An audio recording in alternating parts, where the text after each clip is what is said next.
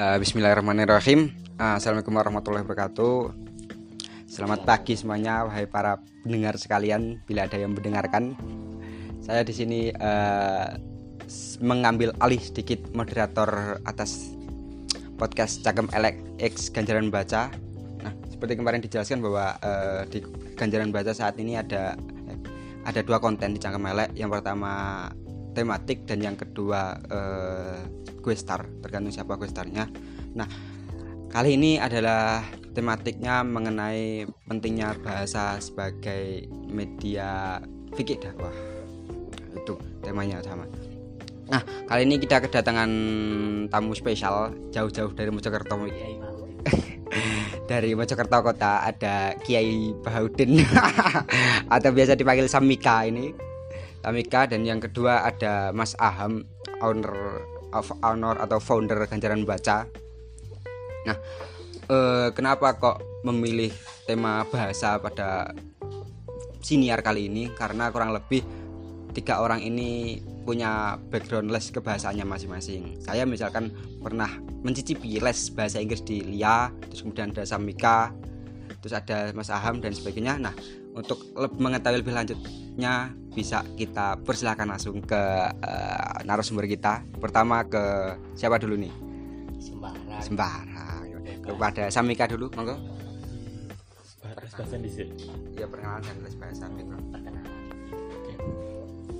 Bismillahirrahmanirrahim Assalamualaikum warahmatullahi wabarakatuh Kepada semua pendengar Cangkem Elek dan Ganjar Membaca uh, Saya Mika Bahaudin ya jadi alhamdulillah bersyukur di semester 7 saya sudah mulai mencoba untuk les bahasa Prancis di Institut Francis Indonesia di ACBS daerah Ngagel.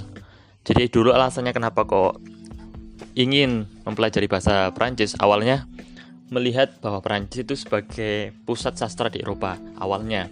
Ketika melihat kampus Sorbonne, wih pusat filsafat dan sastra, saya jujur Jujur saya tertarik untuk bisa juga belajar di sana. Lantas karena eh, hal tersebut punya keinginan dan saya wujudkan dalam bentuk belajar di IV tersebut.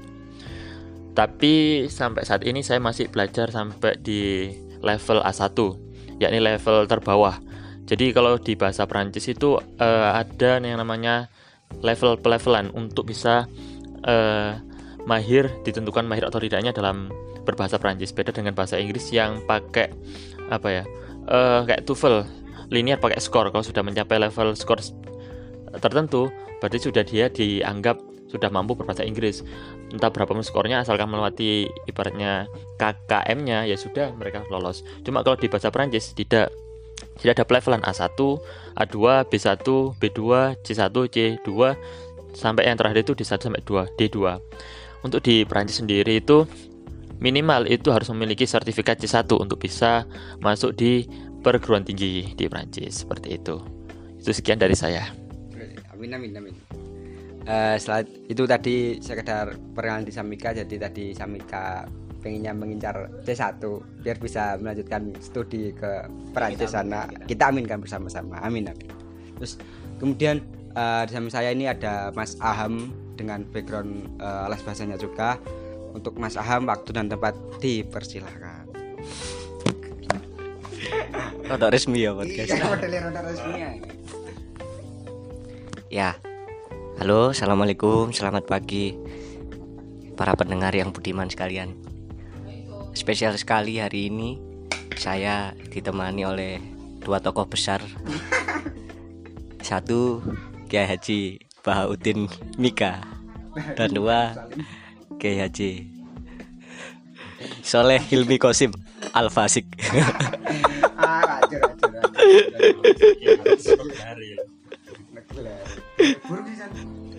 saya ralat.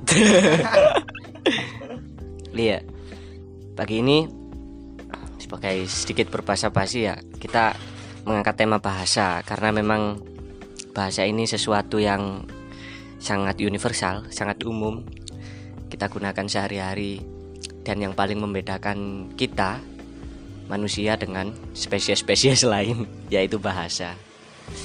sedikit menyinggung mungkin secara kesejarahan kalau saya pernah membaca sebuah buku berjudul Sapiens.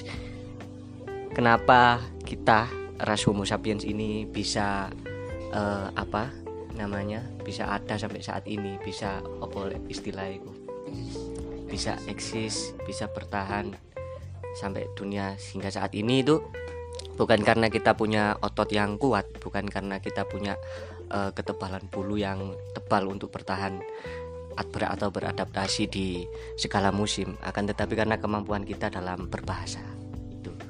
Nah, jadi menarik membahas bahasa kali ini. Sedikit sebuah pengantar ya.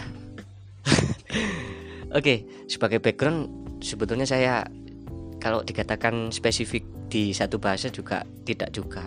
E, pernah satu waktu saya mengambil kuliah bahasa Belanda. Tidak kuliah hmm, apa namanya? Kursus khusus les bahasa Belanda. Setelah saya keluar dari universitas saya sangat tertarik untuk mengambil kursus bahasa Belanda. Karena hemat saya Belanda itu secara kesejarahan dekat dengan kita. Karena kita dijajah lama oleh negara tersebut ya kan? Nah itu iya. Ya penjajahan memang momen yang pahit ya. Tapi tapi dengan menguasai bahasa Belanda tersebut kita bisa belajar dari negara yang pernah menjajah kita. Ya barangkali kita bisa apa uh, fight back kapan-kapan. Bersendam Iya itu belajar bahasa Belanda. saya belajar di Yayasan Cara Mulia ada di Surabaya. Saat itu saya uh, tidak apa meneruskan hingga jenjang yang lebih tinggi. Saya hanya sampai di satu kelas yang paling dasar. Uh, istilahnya kelas hampir mirip dengan kursus yang diambil Mika itu. B1, C1, kalau nggak salah B1 dulu saya. Kalau B12 itu boleh lah boleh lah selingan selingan. Boleh lah. Jayus ya jayus. Ya nggak apa-apa lah. Selain pada bahasa Belanda sebetulnya saya pribadi tertarik dengan bahasa-bahasa yang iya bahasa-bahasa yang dekat dengan keseharian terutama untuk orang-orang yang tinggal di Jawa ya kan? Alhamdulillah saya eh, dan teman-teman ini kulturnya sama-sama dibesarkan dengan pembiasaan untuk berkromo inggil atau bahasa Jawa halus. Yang lambat laun saya kira makin ke sini makin hilang. Seperti orang melihat bahwa belajar bahasa kromo inggil ini sangat konservatif tradisional kuno dan makin lama makin ditinggalkan. Deso lah singkatnya. Anak-anak kecil sekarang lebih bangga jika diajarkan bahasa Indonesia. Orang tuanya lebih bangga daripada uh, apa itu menekuni khazanah kita yaitu bahasa kromo Inggris. Selain daripada itu saya juga tertarik dengan Madura. Iya. Sekelangkong jong. Terima kasih. Tretan tan tretan ya. Tojuk kita sedang tojuk ini bareng-bareng dengan teman tojuk duduk bagi yang tidak tahu. Santai om nyeruput-nyeruput. Kan secara garis keluarga juga saya masih berkerabat dengan eh, kawan-kawan uh, saudara-saudara dari etnis Sunda dan juga Betawi. Jadi ya banyak yang saya pelajari itu di Kromo Inggil, Madura, Belanda. Karena di pesantren juga mau tidak mau belajar bahasa Arab. Nah, karena karena tumbuh dengan film-film, jadi juga terbiasa dengan bahasa Inggris. Ya normatif lah yang kebanyakan orang bisa bahasa-bahasa tersebut mungkin itu sebagai pengantar kita. Saya manut saja pada Mas Soleh akan dibawa ke mana siniar kali ini? Coba nggak Mas Soleh. Ya ya siniar. Siniar. Uh, dari podcast itu padanan bahasa Indonesia nya namanya siniar. Siniar iya. Fun fact fun fact. Trivia. Trivia nah uh, itu tadi sudah um, sedikit membahas mengenai background dari masing-masing uh, narasumber kita. Ada Mas Mika dengan uh, backgroundnya pernah kursus uh, berbahasa Prancis dan Mas Aham yang pernah mengambil kursus bahasa Belanda. Nah ini uh, tema yang coba kita ulas pada hari ini adalah bagaimana peranan bahasa dalam eh, menyampaikan atau dalam fikih dakwah atau bagaimana menyampaikan fikih tersebut bisa terserap ke masyarakat. Atau bahasa sebagai media komunikasi lah gampangannya demikian ya begitu itu Ya, itu begitu itu. Mana? Iya. Nah itu. Ah, eh, jadi ini, kenapa saya kenapa kok mengambil tema ini karena sering sekali apa ya akhir-akhir ini sering kali kita berdebat remeh temeh karena permasalahan bahasa karena semua orang hanya menyinggung eh, salah benar halal haram baik buruk amar ma'ruf bil mungkar tapi tidak tahu bahwa, tidak tahu bahwa eh, di balik kaidah amal ma'ruf nahi mungkar itu menyertai yang itu disertai dengan amar bil ma'ruf wa nahi bil ma'ruf yaitu eh, menyampaikan dengan cara yang baik dan mencegah dan mencegah dengan cara yang baik pula. Di sini eh, titik poinnya adalah penyampaiannya yaitu penyampaian dengan cara yang baik. Karena kalau kita hanya mencerca tanpa ada apa ya eh, cara baik maka pesan tersebut tidak akan pernah tersampaikan. Kan demikian kan? Nah sementara ketika kita ingin berdakwah tujuan kita tentu adalah eh, ingin agar pesan tersebut bisa tersampaikan secara baik pada pendengar kita kan? Nah ini. Eh pertama kita ulas dulu ke pandangan mungkin Samika apa sih eh, atau seberapa penting sih bahasa ini dalam pergulatan sehari-hari kita ini utama dalam media komunikasi ataupun dalam berpikir dakwah dan sebagainya mungkin Mas Vika ada keresahan juga dan ada undang-undang yang disampaikan monggo silakan Oke, mengawali bahasa ya. Dulu pernah baca di salah satu buku tapi lupa eh, penulisnya siapa dulu sama judulnya. Tulisannya itu dengan sastra eh siap, setiap orang yang menyukai sastra hatinya akan mudah disentuh. Jujur eh jujur saat itu kita yang baca ini waduh ini quotes yang sangat bagus ini untuk bisa dinikmati setiap orang itu. Nah, sejak saat itu saya juga, juga mulai apa ya melihat bahwa potongan kalimat penulis buku ini wah ini juga sangat relevan itu di dunia sehari-hari saya gitu loh ketika saya melihat bahwa teman-teman saya yang hidupnya di kehidupan sastra dan memiliki kemampuan berbahasa yang baik saya rasa memang mereka dalam kehidupan sehari-harinya pun juga dalam artian santun dalam berbahasa. Entah itu dalam sikapnya dan perbuatannya juga. Pada akhirnya mereka ketika menyampaikan apa pun akan akan terlihat indah contohnya. Eh, bagi teman-teman saya yang eh, mereka yang hidup di punya kemampuan lah jangan hidup lah punya kemampuan dalam berbahasa yang baik mereka pada akhirnya ketika contoh ketika marah itu tetap terlihat elok gitu loh. Tetap terlihat indah. Dan kita yang merasa di diberitahu akan ketidaktepatan apa yang kita lakukan ketika kita ketika, ketika kita ditegur itu kita merasa oh saya diingatkan ya tanpa merasa ada rasa tersakiti. Itu yang pertama. Terus yang kedua melihat kondisi saat ini ya berbahasa kalau direlevansikan dengan di bidang agama atau dakwah sempat dulu ada mungkin di beberapa kali ya di YouTube itu di komen-komen YouTube ya. Beberapa ada ustadz-ustadz memang yang cara dakwahnya itu kan memang dengan memberikan jokes-jokes dan sebagainya. Ya ada yang komen-komen gitu di itu ya netizen lah. Wah ini dakwah atau stand up komedi ini? Kok isinya kok ngelucu dari tadi eh, dan sebagainya. Dakwah kok ngelucu? Nabi itu gak kayak gitu dan sebagainya. Hal seperti itulah. Ya kalau melihat eh, secara apa ya dari perspektif fikih jujur saya belum belum tahu eh, lebih jauh ya. Cuma mungkin yang saya lihat bahwa kenapa beberapa para pendakwah kita kenapa kok menyelipkan jokes-jokes dalam dakwanya karena hal tersebut sebagai bentuk pembacaan akan orang yang ia ajak bicara. Jadi mereka itu apa ya? Tahu siapa yang akan diajak bicara maka ya metodenya juga berbeda.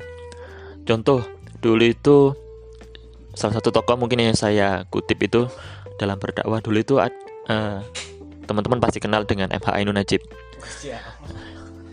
Eh, jadi jadi dulu Mbah Nun itu pernah bilang ketika Mbah Nun mengisi pengajian di Doli Surabaya. Jadi Mbah Nun bu- jadi Mbah Nun ketika berbicara dengan para warga Doli Mbah Nun tidak mengatakan bahwa ayolah tobatlah kalian dan sebagainya. Enggak karena karena mereka sudah tahu ayat-ayat yang melarang-melarang bahwa perbuatan zina dan sebagainya. Tapi yang diajak Mbak Nun adalah mereka Mbak Nun mengajak mereka bahwa sampai kapan kalian bekerja seperti ini? Kalian harus eh, melihat berapa jauh ke depan. Ya hal seperti itu. Jadi tidak jadi bahasa yang dipakai Mbah Nun tidak memojokkan mereka dan terlihat seperti dan terlihat santun. Itu sih yang uh, cukup cukup menarik gitu loh. Bagaimana para, para pendakwah kita uh, mampu melihat masyarakat kita. Lalu ada mungkin juga teman-teman mungkin kenal ya. Uh, ada Kiai Haji Anwar Zahid yang dekat dengan ya orang-orang kecil seperti saya ini ya di kampung-kampung ya umur-umurnya ya umur-umur untuk orang, kecil memang cocok sekali jadi pembawaannya kita nggak merasa seperti ngaji memang tapi di situ ada nilai tetap nilai-nilai keagamaan dan dakwahnya tetap ada mungkin itu sih sebagai pengantar nanti selebihnya mungkin ada tambahan-tambahan dari sahabat saya uh, Aham dan juga Soleh Nah, itu tadi sedikit uh, pembukaan dari Samika. Nah, mungkin kita ingin menambah lagi pembukaan. Nah, mari kita saksikan coba kita perhatikan pembukaan dari Mas Aham.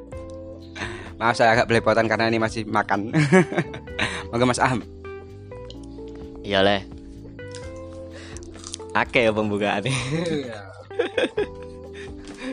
padahal padahal le, di agama di, diajarkan untuk menutup. Ini dibuka-buka. Iya, berbicara orang kecil ya tadi kata Mika. Sebetulnya yang lebih kecil dari Mika itu Zuber.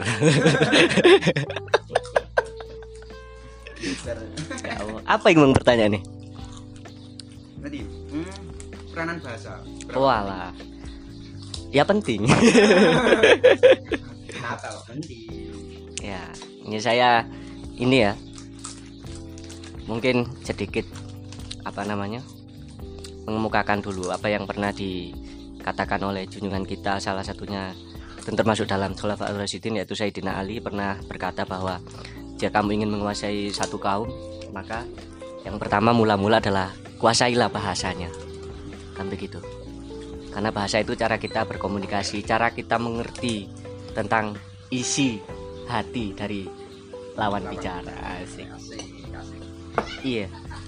Kalau kita apa itu namanya berbicara oh ini banyak sih sebetulnya. Cuma mungkin satu persatu karena kita terbatas waktu ya.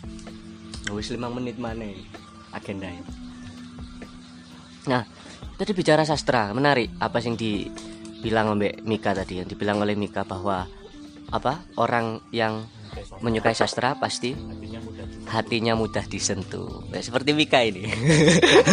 Mudah tersentuh. Apalagi oleh kamu kamu apa yang mudah tersentuh hati. Kenapa begitu? Sebetulnya kalau kita mengamati dengan teliti atau sedikit mengamati uh, apa yang kita peroleh dalam kitab suci utamanya ya. Quran sendiri itu juga sastra kan gitu. Kok bisa begitu ya? Secara sederhana saya mungkin tidak bisa menjabarkan lebih panjang tentang bagaimana itu sastra. Tapi sekurang-kurangnya sastra itu salah satu poin yang saya tangkap itu adanya uh, apa ya konsonan atau bunyi yang serupa gitu pada akhir. Kalimat apa nih ini kalau puisi itu bersajak rima bersajak banyak banyak sekali surat-surat itu. Mungkin saya mungkin mengambil contoh seperti surat al adiyat itu. Wal adiyati tobaha fal muriyati qadha fal mughirati subha ha ha. Sampai akhir itu kan sastra. Dibunyikan itu loh. Enak ngono. Kalau hade Allah somad lam yalid walam yulad de, de, de, de. itu kan itu kalau tidak sastra apa ya kan? Kan begitu seperti Pak Sapardi pernah bilang itu aku ingin mencintaimu dengan sederhana dengan kata ya tak sempat diucapkan awan kepada uh, hujan yang membuatnya tiada. Aku ingin mencintaimu dengan sederhana dengan isyarat yang tak sempat disampaikan kayu kepada api yang membuatnya tiada. Itu kan ya itu sastra kan? Gitu jadi ya ya itu sastra terus kalau disangkutkan ya dikorelasikan dengan dakwah ya. Memang kalau saya pribadi melihat sekarang semangat dalam beragama ini sangat tinggi saudara-saudara kita. Kita bisa simak di sosial media perdebatan-perdebatan tentang ucapan Natal yang paling baru tentang ucapan tahun baru dan lain-lain. Itu kan menunjukkan ada semangat keberagamaan semangat dakwah. Tapi hemat saya ya mula-mula sebelum berdakwah itu kita sebagai um, apa orang yang pendakwah kita lebih dulu itu harus mengerti gitu. Kita mengajak orang untuk sampai kepada apa pemahaman tentang Islam. Kita sendiri sudah sampai belum terhadap pemahaman tersebut. Kita sendiri sudah menemukan kenikmatan belum dalam pemahaman tersebut. Kalau kita sendiri saja belum sampai pada kenikmatan dalam beriman dalam bertauhid dalam berislam Duh, kok bisa kita ngajak-ngajak orang? Kan gitu yang muncul apa? Yaitu tindakan-tindakan yang sifatnya tidak manusiawi ya. Kekerasan apalah. Kecurangan dan lain-lain yang semua itu mengatasnamakan agama justru. Jadi lebih-lebih itu. Sebelum kita berdakwah kita sendiri harusnya sudah sampai di titik di mana kita menemukan kenikmatan dalam beragama. Jangan-jangan kita selama ini sholat juga terpaksa. Iya gak? Kita selama ini tidak mencuri karena yaitu tadi takut neraka. Kita selama ini apa tidak melakukan zina karena itu tadi takut akan siksa dan lain-lain. Kita jarang gitu memperoleh satu wawasan atau khazanah yang di situ dengan melakukan apa perintah-perintah agama. Kita tetap bisa seneng kok kan gitu. kita tetap bisa nyaman nah, dengan wawasan-wawasan tersebut. Tentunya diperlukan ini ya pengembaraan intelektual diperlukan ngaji lah gampangin lebih mudahnya. Jadi itu tadi yang saya ingin bahas tentang bahasa. Mungkin bisa oh iya penting juga ini kita tanya bagaimana pendapat Kiai Soleh Kosim ini dengan gelarnya yang tidak saya sebut.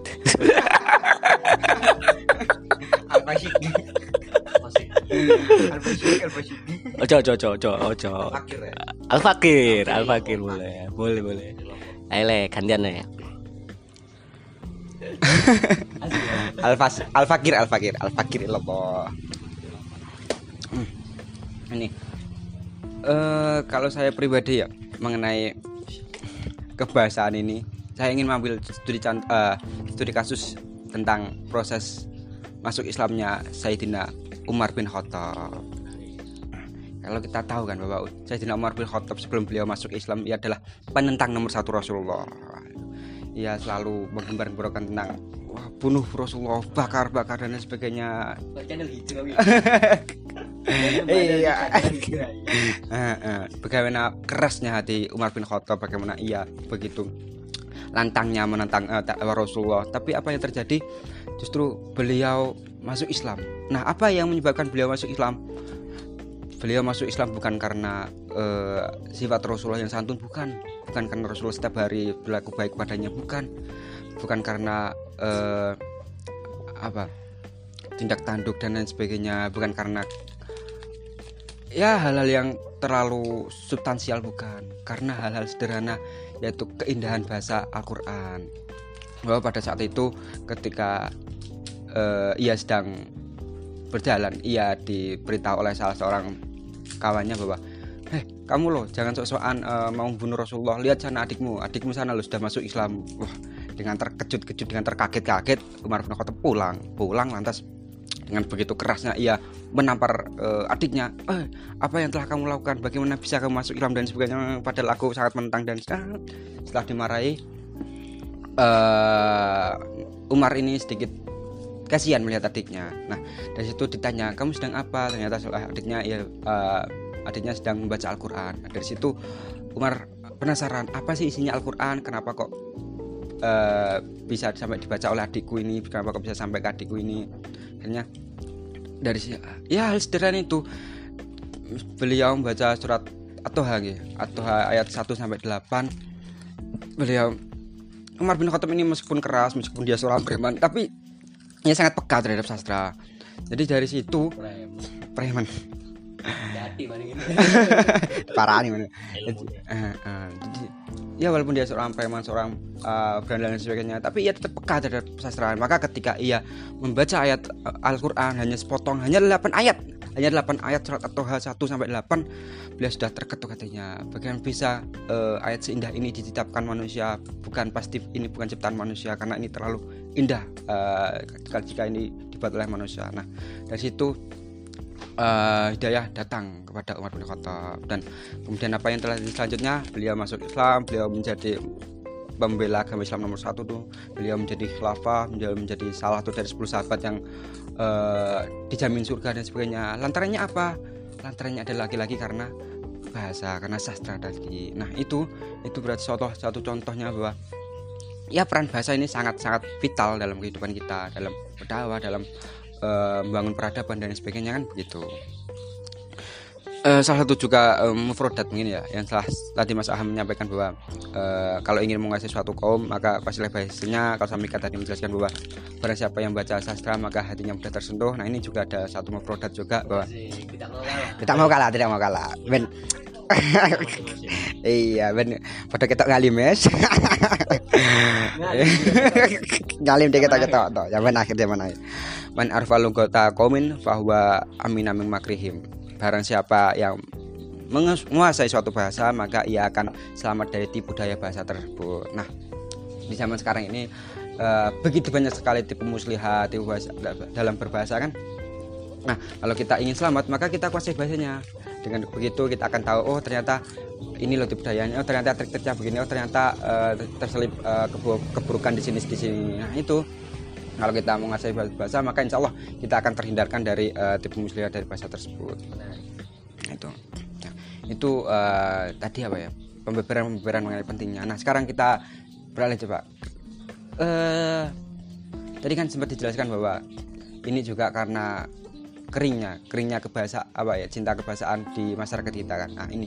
Kalau boleh tahu menurut pandangan mas-masnya masing ini mas Mika dan mas Ham ini apa sih yang buat masyarakat uh, apa ya begitu sukar untuk memahami sastra begitu kenapa kok uh, berat untuk mencinta sastra itu kenapa? Apa yang membuat masyarakat ini begitu jauh dengan sastra dengan kebahasaan ini apa menurut ini siapa dulu ini? Mas Aha monggo. Rumiyin. Oh, angel lagi pertanyaannya, rotok sulit. Kenapa masyarakat jauh dari bahasa?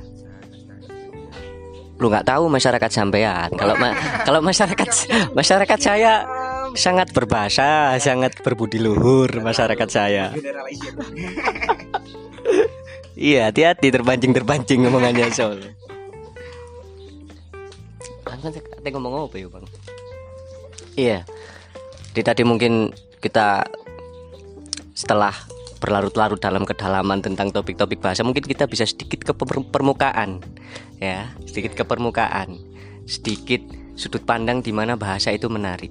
Ini kalau teman-teman ini apa lagi netizen netizen yang budiman ini yang selalu 24 jam mengamati perkembangan di terutama YouTube. Ini kita bisa lihat ini ada satu fenomena di mana orang Indonesia melakukan uh, Ome TV atau apa itu yang seperti panggilan dengan seorang perempuan di Kazakhstan. Nah, ini kan menarik. Oh, nah, nah, ini teman-teman pasti tahu.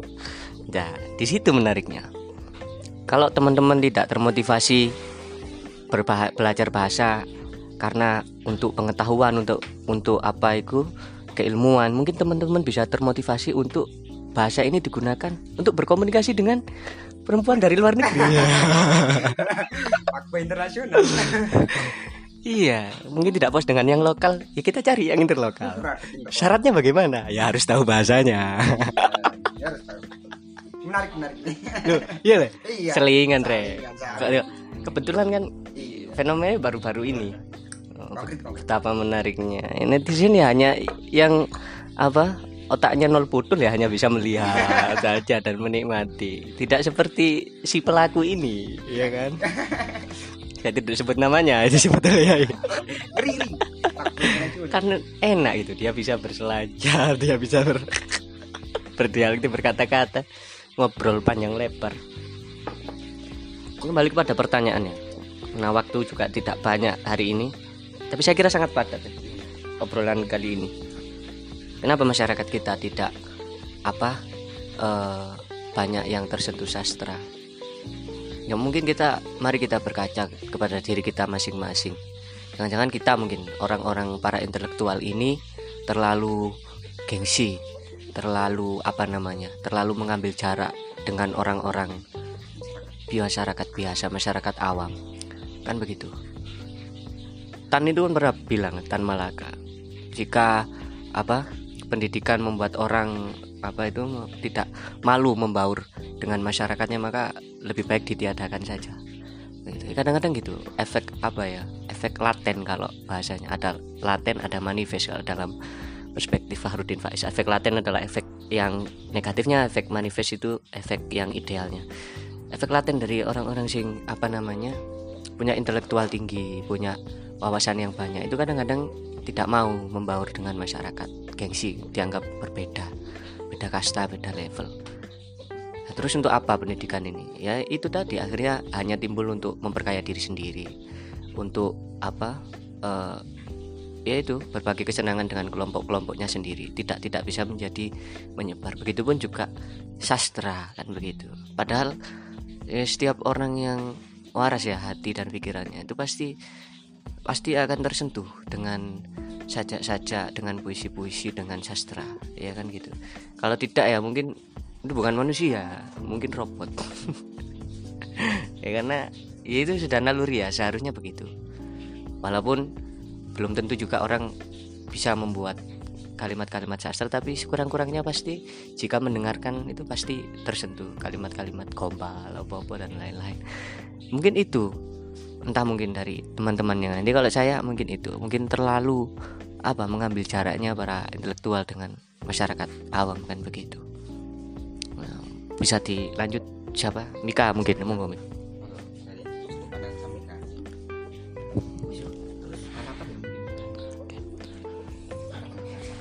Kalau dari saya ya melihat perspektif yang terjadi di masyarakat adalah uh, sastra ini bagi orang-orang awam ini pertama terlalu tinggi maksudnya terlalu tinggi mereka dengan bahasa mereka yang komunikasi mereka sehari-hari dengan dalam masyarakat terus diberikan apa ya satu hal yang baru yang bernama sastra yang uh, dianggap tinggi maksudnya ada keilmuannya di sana ada konteks dan sebagainya mereka merasa ah ini terlalu tinggi buat saya. Maka itu satu hal yang membuat masyarakat awam merasa udahlah saya kayaknya nggak nggak nutut lah kalau mau mau belajar sastra dan sebagainya. Menikmati inilah. Perlu ada bahan ada toolsnya sendiri untuk untuk menikmati sastra ibaratnya masyarakat awam menilai seperti itu terus bagi masyarakat awam ketika melihat sastra bagi mereka beberapa um, merasa bahwa tidak punya modal yang cukup untuk menikmati sastra. Maksudnya di dalam beberapa hal yang bersifat sastra salah satunya kan ada pementasan-pementasan di mana yang mungkin ataupun buku-buku yang mereka kalau mau menikmati sastra ya harus ada modal uangnya dulu. Mereka membeli karya mereka menikmati karya sastra tersebut.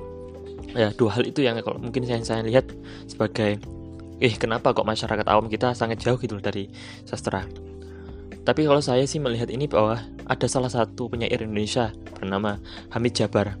Hamid Jabar pernah menuturkan bahwa uh, sebenarnya orang-orang sastra inilah orang-orang para sastrawan lah yang memberikan jarak kepada uh, masyarakat. Di mana para sastrawan-sastrawan dianggap lebih eksklusif daripada orang-orang tukang becak dan sebagainya. Kritik Hamid Jabar mengatakan bahwa pernah dia kenapa di koran-koran para sastrawan kenapa diberikan kolom khusus sastra sedangkan orang-orang tukang becak, orang-orang petani tidak diberikan kolom khusus di ruang-ruang koran. Maka jangan salahkan uh, orang-orang awam jika mereka melihat sastra adalah kelas eksekutif karena kita sendiri para sastrawan uh, memberikan jarak yang jauh di di kelas sosial tersebut. Mungkin itu sih dari saya. uh, ini tadi dua pandangan gitu. Yang pertama adalah berakar mengenai dari pendidikan kita. Pendidikan kita uh, seakan menganaktirikan bahasa seperti yang ini sedikit santai ya. Jadi pada tahun 50-an itu bahasa Indonesia kan digencarkan sebagaimana uh, dalam pendidikan ya. Jadi pada tahun tersebut uh, ada tiga kelas utama kalau di SMA SMA. Ada kelas ilmu alam, ilmu sosial, dan ilmu bahasa. Nah, kemudian ini diredupkan pada uh, masa terbaru tahun 70-an hanya menjadi uh, kelas fisika, kelas biologi, dan kelas sosial. Nah, dari mulai sini kelas bahasa ini mulai diredupkan. Akhirnya uh, mulai dari situ bahasa pelan pelan perlahan meredup, meredup, meredup. Ya, maka ini juga berdampak secara signifikan kepada masyarakat kita secara umum. Nah, itu yang pertama dari akar uh, pendidikan kita. Terus yang ke kedua uh, tangkap dari Mas Mika tadi ya, yaitu para uh, ahli sastrawan di sini terlalu menjaga jarak dengan masyarakat. Mereka terlalu menasbihkan diri, mereka terlalu uh, dalam keadaan kutip terlalu eksklusif sehingga masyarakat sulit menjangkau akal pikiran mereka, sulit menjangkau apa yang dihidangkan uh, oleh para sastrawan.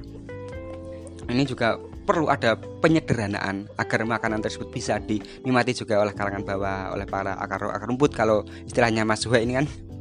Grassroots grassroots ini bisa juga turut oh ternyata sastra itu enak loh.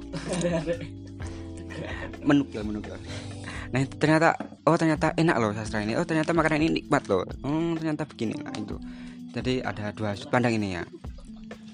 Nah terus kemudian ah setelah kita tahu ya terus apa eh, harapan dari mas-mas masing ini mengenai peran atau mengenai uh, solusi dari kebahasaan ini atau bagaimana pandangannya ke depan mengenai agar masyarakat kita ini menjadi lebih peka terhadap kebahasaan ini. Mika? Dulu mungkin. Ya, monggo. Siap Mungkin salah satu hal yang mungkin dia bisa mungkin yang saya lakukan ya hal-hal kecil yang saya persiapkan mungkin ke depan ya. Melihat apa yang terjadi mungkin saat ini dalam hal kebahasaan ya. Mungkin satu hal adalah berangkat dari keluarga. Saya melihat bahwa kebahasaan itu paling kuat adalah dari keluarga. Bagaimana kita nanti saat ketika kita sudah ketika sudah sebagai ketika nanti kita sudah menjadi orang tua, kita adalah fasilitator atau perantara perantara untuk menyampaikan memperkenalkan bahasa. Jadi anak kita akan belajar bahasa kan pasti kan berasal dari kita dulu nanti. Bagaimana nanti kita mengantarkan bahasa itu kepada anak kita, itulah yang akan diterima oleh anak kita. Maka dari itu sangat penting ya mungkin bagi saya. Pertama nanti akan ke memperkenalkan sastra itu ke keluarga. Kalau sudah nanti outputnya keluar, nah, anak-anak kita lah yang nanti akan menyebarkan ke orang-orang lain. Itu sih mungkin dari hal kecil. Lalu mulai dengan memperkenalkan buku. Mungkin yang terjadi saat ini ya mungkin ya, kalau yang saya lihat bahwa orang-orang yang menikmati buku, membaca buku, menikmati sastra, sekarang itu kan sudah sudah apa ya? Sudah sangat jarang sekali anak-anak sekarang yang mungkin menikmati menikmati uh, buku-buku sastra. Mungkin yang bisa dilakukan adalah memberikan ruang sebanyak mungkin bagaimana orang-orang bisa menikmati sastra uh, menikmati sastra dengan sama gitu loh. Maksudnya contoh mendirikan perpustakaan-perpustakaan di mana kita juga memberikan adanya koleksi buku-buku sastra. Contoh yang digemari anak-anak sekarang saat ini adalah buku-buku seperti Andrea Hirata, Trelie dan sebagainya. Ya, Dilan juga seperti itu. Ya meskipun meskipun apa ya, meskipun ya genrenya mungkin genre roman yang sifatnya romantis dan cinta, tapi hal hal hal seperti itu mungkin menjadi dasar awal bagi mereka untuk mencintai sastra. Ya mungkin itu sih. Hmm. Oh iya apa apa gimana? Harapan. Oh iya. Harapan hope. Seperti kampanyenya siapa? Obama hope. Iya kan? Harapan. Harapan itu. Ya lah iya makanya itu. Itulah kenapa penting adanya ganjaran membaca ini. Kita menyuguhkan apa sastra-sastra berkualitas oleh penyair-penyair Indonesia dan luar Indonesia kepada khalayak umum agar mudah apa dicapai agar mudah di, apa diakses ya. Sebagai harapan saya setuju sekali dengan apa yang tadi dikemukakan oleh uh, Kiai Bahaudin tadi ya tentang peran orang tua mengenalkan sastra kepada anak-anak. Kalau boleh lebih luas sebagaimana yang pernah ditulis oleh uh, guru kita bersama Bapak Kukuh Yuda Karnanta dalam dan dimuat dalam sebuah koran membahas tentang bahasa. Ada tiga aspek. Yang pertama yang yang apa uh, yang diperlukan untuk agar bahasa itu bisa apa uh, menjadi tradisi yang kuat dalam komunitas kita. Yang pertama yaitu pengenalan. Pertama kita pengenalkan dulu bagaimana itu bahasa. Yang kedua kita edukasi kita ajarkan kepada orang-orang bagaimana pembahasan yang baik kan gitu. Pengenalan tadi kita kenalkan pentingnya kenapa kita harus berbahasa dengan baik. Karena itu menyangkut uh, banyak sekali hal dalam aspek legal formal atau non formal dan lain-lain. Dan yang ketiga adalah pembiasaan atau habituasi. Tanpa pembiasaan kita tidak akan bisa berbahasa dengan baik. Kita sudah belajar banyak tapi di sekalian kita ngomongnya biasa. Maksudnya tidak memakai kaidah-kaidah tersebut. Ya hilang. Jadi semua memang pembiasaan kan jadi dan harapan saya terakhir terkait tentang sastra dan bahasa memang penting bahasa dan sastra itu sebagai alat sebagai kendaraan dalam kita menyampaikan pesan. Akan tapi yang lebih penting adalah apa isi pesan yang kita sampaikan kepada orang-orang kita. Percuma ber apa ya bagi saya ya percuma berbusa-busa bersastra-sastra dengan kata-kata yang sulit difahami dengan ini tapi pesan tersebut apa ya tidak tersampaikan. Bahkan isi dari pesan tersebut juga bukan sesuatu yang apa substansial bukan sesuatu yang penting untuk disampaikan gitu. jadi menurut saya hanya semacam pemborosan saja pemborosan waktu pemborosan diksi. Nah, jadi pentingnya bagi kalau saya melihat bahwa ya itu mungkin kalangan sastrawan mengambil peran itu. Tapi bagi saya sebagai orang yang biasa orang awam dan hidup di masyarakat dengan biasa hemat saya penting untuk bahasa itu apa pesan yang akan disampaikan? Harapannya itu ya semoga kita semakin berbahasa. Ah itu tadi uh, harapan dari teman-teman masing saya. Nah kalau sedikit boleh menambah menambah ya? Uh, ini ada hal kecil contoh kebahasaan yang saya serapkan yang saya terapkan dalam keseharian uh, misal gini contohnya ketika saya terlambat dalam datang ke suatu pertemuan saya tidak akan lagi mengucapkan uh, maaf uh, saya terlambat tapi saya akan bilang bahwa terima kasih sudah mau menunggu. Ataupun ketika uh, saya minta tolong ke teman saya tidak akan lagi bilang bahwa maaf merepotkan tapi saya akan bilang bahwa terima kasih sudah saya sudah mau saya repotkan. Nah itu contoh apa? Itu perlambangan dari bahasa bahwa uh, kita tidak lagi untuk menunjukkan keminta maafan kita yang uh, gitu keminta uh, kita yang memang manusia tempatnya salah dan lupa tapi kita mengapresiasi mengapresiasi dari kebesaran hati teman-teman kita. Kita mengapresiasi kebaikan uh, tidak uh, kebaikan dari para teman-teman jadi mulai hal-hal sekecil itu juga saya mencoba untuk menerapkan dalam keseharian nah nah ini uh, karena keterbatasan waktu karena ada ya ada agenda lain mohon maaf uh, sinar ini tidak bisa berpanjang-panjang seperti biasanya. Mungkin milenial tidak bisa mendengarkan yang panjang mendengarkan yang panjang. Nah ini uh, semoga sinar ini cukup bermanfaat bagi yang mendengarkan. Uh, nanti kita sambung di pertemuan yang akan datang. Mohon maaf salah salah kata dan terima kasih banyak atas perhatiannya. Wassalamualaikum warahmatullahi wabarakatuh. Alhamdulillah